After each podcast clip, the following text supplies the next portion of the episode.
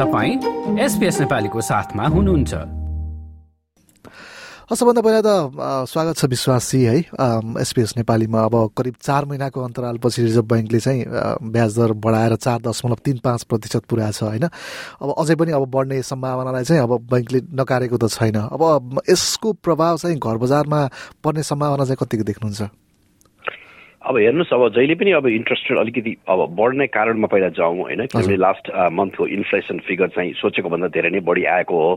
यो consumer spending जब बढ्छ त्यसपछि अभियसली अपवर्ड प्रेसर पर्न जान्छ रिजर्भ ब्याङ्कलाई अब काउन्टर मेजरमा इन्ट्रेस्ट रेट बढाउनु पर्ने आवश्यकै देखिन्छ यसपालि। फेरि जेनरली ट्रेडिसनली अब तपाईँको डिसेम्बरको टाइममा चाहिँ होलिडे सिजनभन्दा पहिला नबढाएको र नोभेम्बरमा चाहिँ हामीले प्राय बढेको नै देख्छौँ यो। आई थिङ्क त्यही उसमा त्यही क्रममा यो बढेको भयो। अब यसको इम्प्याक्ट चाहिँ इमिडिएटली चाहिँ मार्केटमा चाहिँ फिल हुन सक्छ। किनभने जहिले पनि यो इन्ट्रेस्ट रेट माथि जाने बित्तिकै अलिकति कन्ज्युमर सेन्टिमेन्टमा चाहिँ अलिकति फरक पर्छ। अब त्यसको direct effect direct proportional effect के पर्छ भन्दाखेरि मान्छेहरूले जसले जो कि बोर्डर लाइनमा किन्ने कि नकिन्ने भन्ने डिसिजन गरेको मान्छेहरू चाहिँ प्रोबब्ली हेल्ड ब्याक हुनसक्छ यो डिसिजनले गर्दाखेरि। त्यही भएर आउँदो मन्थमा चाहिँ हामीले अलिकति डिक्लाइन एक्टिभिटीमा डिक्लाइन चाहिँ देख्छौँ होला सायद। हजुर। अब अघिल्लो महिना कुरा गर्दाखेरि चाहिँ अब भनौँ न बजार चाहिँ तातिरहेछ सुधारतर्फ गइरहेको छ भन्ने बारेमा कुरा गरेका थियौँ। पछिल्लो महिनालाई हेर्ने हो भने चाहिँ अब एक हिसाबले खरिदकर्ताको आकर्षण अस्ट्रेलियाका कुन कुन ठाउँमा अलिक बढी देखियो? अब हामीले क्वार्टरली मन्थली चाहिँ राम्रै गरेको छ लास्ट भन्ने हो भने होइन तर मन्थली भन्दा पनि हामीले ओभरअल कहिलेकाहीँ मन्थली चाहिँ डाटाहरू अलिकति स्क्युड हुन्छ। तर क्वार्टरली हेर्दाखेरि चाहिँ आई थिङ्क सबै क्यापिटल सिटी चाहिँ पोजिटिभमा रेकर्ड गरेको छ अहिले। आई थिङ्क इट्स धेरै लेस क्वार्टर होला कि जब हामीले सबै सिटीहरू चाहिँ ग्रिनमा देख्छौँ। आउटस्ट्यान्डिङ पर्फर्मेन्समा चाहिँ अभियसली अहिले चाहिँ पर्टलाई पर्छ। पर्टले चाहिँ फोर एन्ड हाफ पर्सेन्टको क्वार्टरली ग्रोथ गरेको छ। अब हामीले एक्सपेक्टिङ गरेका छौँ पर्थले चाहिँ अझ पनि आउट पर्फर्म गर्छ होला किनभने पर्थको रिकभरी चाहिँ धेरै नै लेट भएको छ अरू स्टेटको तुलनामा। त्यही भएर हामीलाई लाग्छ पर्थ चाहिँ अझ पनि आउटस्ट्यान्डिङै हुन्छ होला। तर त्यो सँगैसँगै सिडनी पनि टु पोइन्ट फाइभ पर्सेन्टको ग्रोथ ल्याएको छ। एडलेड र ब्रिस्बेनले पनि अब आउँदो क्वार्टरमा चाहिँ राम्रो ग्रोथ गर्ला भन्ने हामीले सोचेका छौँ। हजुर। अब अलिकति श्रोताहरूको प्रश्न पनि ल्याउँ है। एकजना श्रोता लेख्नुहुन्छ कि अब अस्ट्रेलियामा घरहरूको भाउ किन यति बिग्न हो? घर किनेर बस्न हामी दुईको कमाइले एक लाख पचास हजार जति उहाँहरूको कमाइ रहेछ वार्षिक र त नसकिने जस्तो देखिन थाल्यो सिडनीभन्दा अलि पर। रिजनल तर कामका लागि एक दुई घन्टा ट्रेनमा आउन जान मिल्ने ठाउँहरू छन्। अलि सस्तोमा कि घर किन्न रिजनल मात्रै उपाय हो भनेर सोध्नु भएको छ। अब हेर्नु सिडनीलाई अब कसरी हेर्नुपर्छ हामीले भन्दाखेरि अफोर्डेबिलिटीमा डेफिनेटली सिडनी डिफ्रेन्ट लेभलमा छ होइन? अब सिम्पली यसको रिजन चाहिँ के हो भन्दाखेरि डिमान्ड एन्ड सप्लाईको गेम हो। अब सिडनीमा धेरै मान्छेको डिमान्ड भएको र सप्लाईको कन्जेसनले गर्दाखेरि यो चाहिँ अझ बढ्दैछ। अब आई हामीले हेर्ने हो भने लास्टको वान इयरमा अझ इन प्रपोर्सन हेर्ने हो भने तपाईँको जग्गाको भ्यालु घले पनि घटे पनि कन्स्ट्रक्सन कस्ट बढेको कारणले गर्दाखेरि ओभरअल चाहिँ सिडनीमा अलिकति घर किन्न महँगो रहेछ त्यो सेन्टिमेन्टलाई चाहिँ म बुझ्छु। अब त्यसमा अलिकति अर्को कुराले पनि के गाह्रो पारेछ भन्दाखेरि इन्ट्रेस्ट रेट होइन? अब टु थ्री पर्सेन्ट हुँदाखेरिको अफोर्डेबिलिटी र अहिले सेभेन पर्सेन्टको हारारीमा हुँदाखेरिको अफोर्डेबिलिटी पनि धेरै नै सिग्निफिकेन्ट डिफ्रेन्स गर्दाखेरि चाहिँ धेरै मान्छेको चाहिँ बोरिङमा हजुरको इम्प्याक्ट पर्नु स्वाभाविक हो। अब यसले गर्दा चाहिँ हो फर्स्ट होम किन्नलाई सिडनी भने प्रब्ली इजी सिटी होइन। किनभने तपाईँले मिलियन डलर एभरेजको घर किन्दाखेरि तपाईँले एटी पर्सेन्ट नै मर्गेज दिँदा पनि तपाईँको repayment forty forty five thousand हुन आउँछ भने सब्सटेन्सियल कस्ट चाहिँ हो होइन? त्यसले तपाईँको झन्डै थर्टी टु फोर्टी पर्सेन्ट इन्कमै लिन्छ।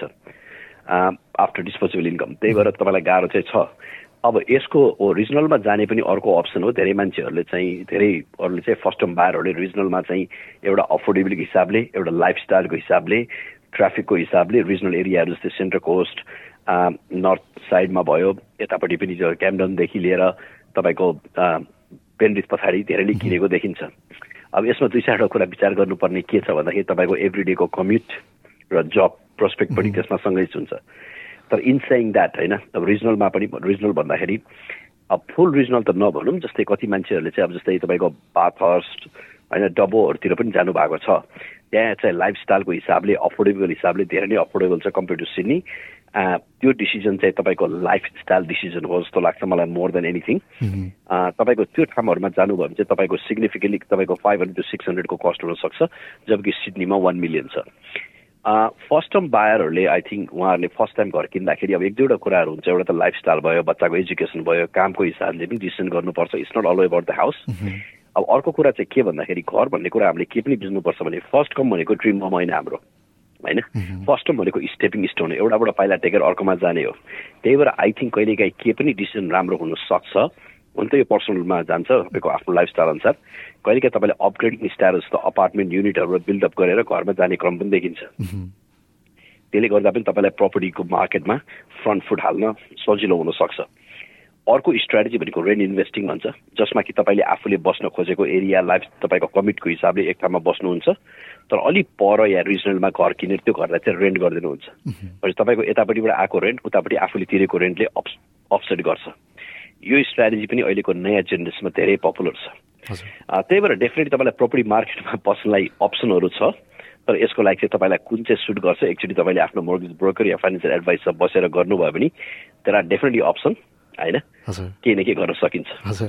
अब अर्को एकजना श्रोताको पनि प्रश्न राख्न चाहे। अब इन्भेस्टमेन्ट प्रपर्टीका लागि पर्थ गोल्ड कोस्ट वा जिलङ कहाँ राम्रो होला?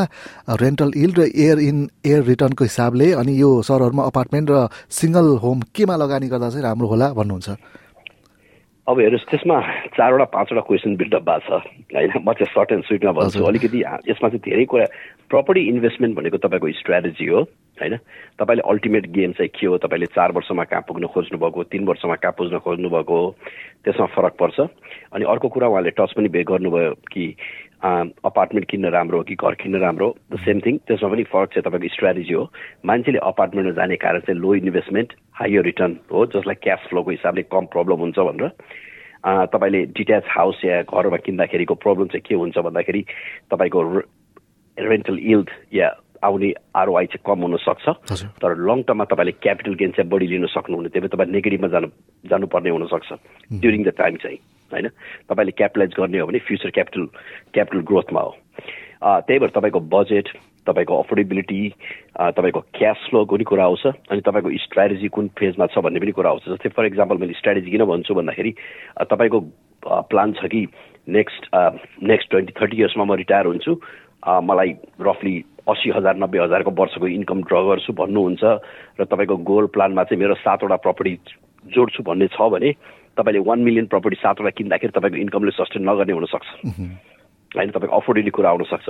त्यस्तोमा चाहिँ तपाईँले के पनि फोकस गर्नुपर्छ नि डोल इन्कम प्रपर्टी या अपार्टमेन्ट जस्तो हायर रेन्टल प्रपर्टीहरू एचिभ गर्नुभयो भने तपाईँको बोरोइङलाई बुस्ट हुनसक्छ।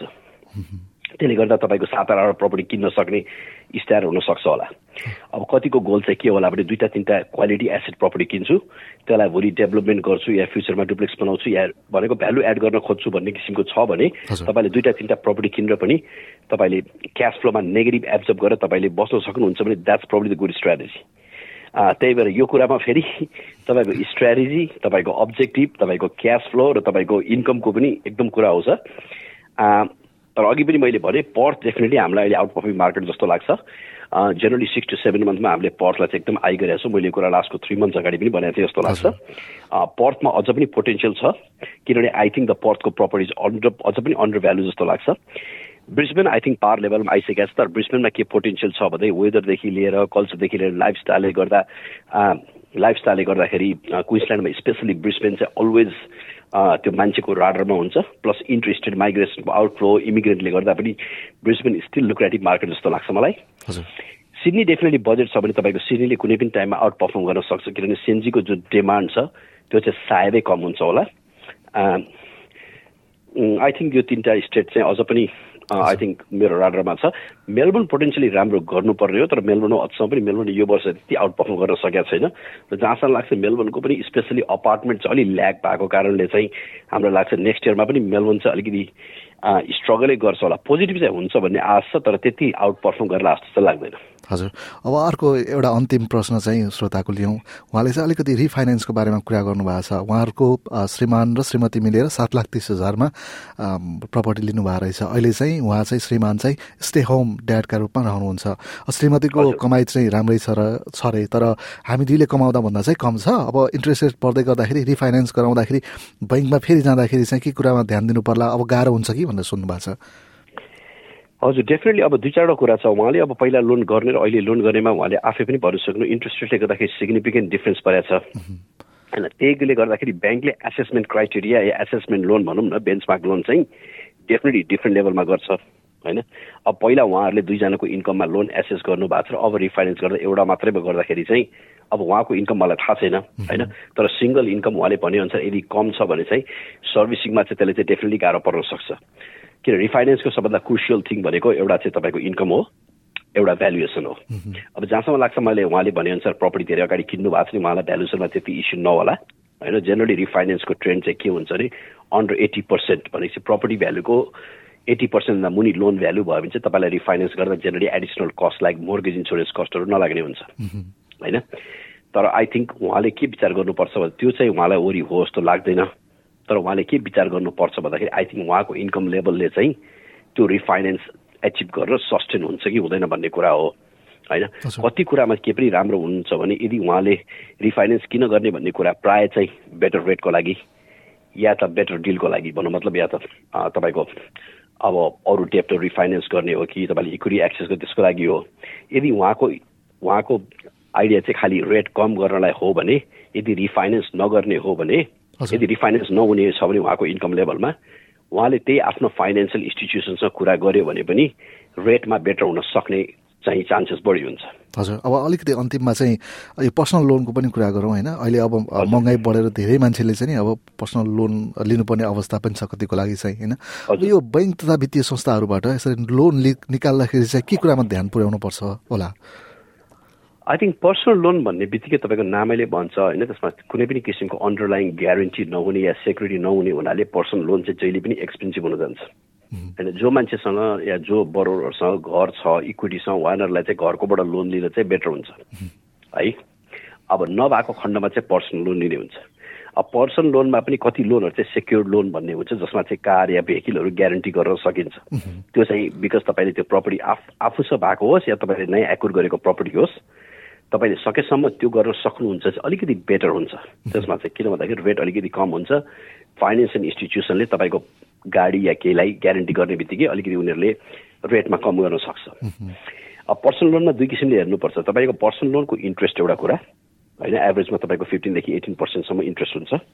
अब तपाईँले इन्ट्रेस्ट नेगोसिएट गर्न सक्नुहुन्छ भने it's always a good idea अर्को कुरा चाहिँ तपाईँले fees and charges such application fee monthly फीहरू जस्तो कुराहरूले इटअप गर्न सक्छ होइन त्यो कुराहरूको विचार गर्नुपर्छ इन्ट्रेस्ट रेट तपाईँको एक डेढ पर्सेन्टले त्यति सिग्निफिकेन्ट इम्प्याक्ट नपर्ला यदि तपाईँले पन्ध्र बिस हजार मात्रै लोन लिनु भएको छ भने तर तपाईँको फिफ्टी थाउजन्ड सिक्सटी थाउजन्डको पर्सेन्ट लोन छ भने त्यसको इम्प्याक्ट बढी हुन्छ जसको चाहिँ तपाईँको घर इक्विटी छ उहाँहरूले चाहिँ रिफाइनेन्स गर्ने इक्विटी एक्सेस भनेको मतलब चाहिँ त्यसै घरैबाट निकाल्न सक्नुहुन्छ भने त्यो चाहिँ प्रब्ली बेटर अप्सन हो किनभने तपाईँले रफली भनौँ न सिक्सटी कि एट पर्सेन्टसम्ममा तपाईँले depending on the bank depending on तपाईँको लोन लोनको टाइप ल्याउन सक्नुहुन्छ। त्यो चाहिँ फर्स्ट अप्सन हुन्छ हजुर अब जस्तो इक्विटी निकाल्दाखेरि चाहिँ नि त्यो निकालेर जस्तो मैले घर रिपेयर गर्छु भन्दा पाइयो कि अथवा त्यसलाई म व्यापारमा पनि लगानी गर्छु भन्दाखेरि पनि त्यो इक्विटी निकालेर प्रयोग गर्न पाइन्छ? अब जेनरली फाइनेन्सियल इन्स्टिट्युसनहरूले चाहिँ तपाईँलाई लोन दिने कारणहरू फरक फरक जस्तै घरको लागि इम्प्रुभमेन्ट गर्न घरमा काम गर्न तपाईँलाई लोन इजी पाउनुहुन्छ। किनभने इफेक्टिभली तपाईँको होम लोन भनेकै त्यही पर्पजको लागि हो। गाडी किन्ने कुरामा पनि इक्विटी एक्सेस गर्छ दिन्छ उनीहरूले। तर त्यसको लागि लोन टर्म चाहिँ थर्टी इयर्स नदिन सक्छ किनभने गाडीको लाइफ स्पेन थर्टी इयर्स हुँदैन घर जस्तै। तपाईँले लोन टर्म अलिकति कम गर्ने बढी चान्सेस हुन्छ। अब थर्डली चाहिँ तपाईँलाई बिजनेस व्यापार गर्न चाहिँ प्रायः ब्याङ्कहरू या फाइनेन्सियल इन्स्टिट्युसन दिन चाहिँ रिलक्टेन्ट हुन्छ। किन भन्दाखेरि रिस्क के छ भन्दाखेरि तपाईँले आफ्नो भएको प्रपर्टीको पैसा निकालेर बिजनेसमा लगानी गरेर भोलि बिजनेसमा केही भयो भने तपाईँको घर फोर्स हुनुपर्छ तपाईँलाई घरबाट निकाल्नुपर्ने सिचुएसन आउँछ भन्दा। कारणले गर्दाखेरि मोरली र लिगली ग्राउन्डमा चाहिँ त्यो अलिकति आर्गुमेन्टिभ गर्न गाह्रो हुने कारणले गर्दाखेरि चाहिँ ब्याङ्कहरू चाहिँ बिजनेस गर्ने क्रममा चाहिँ अलिक रिलक्टेन्ट छ पैसा दिएर जस्तो हस् धन्यवाद विश्वासी समय दिनुभयो त्यसको लागि धेरै धेरै धन्यवाद। धन्यवाद हजुर। हस्। यो जस्तै अन्य प्रस्तुति सुन्न चाहनुहुन्छ? एप्पल पोडकास्ट गुगल पोडकास्ट स्पोटिफाईमा हामीलाई खोज्नुहोस् वा तपाईँले पोडकास्ट सुन्ने अन्य सेवामा।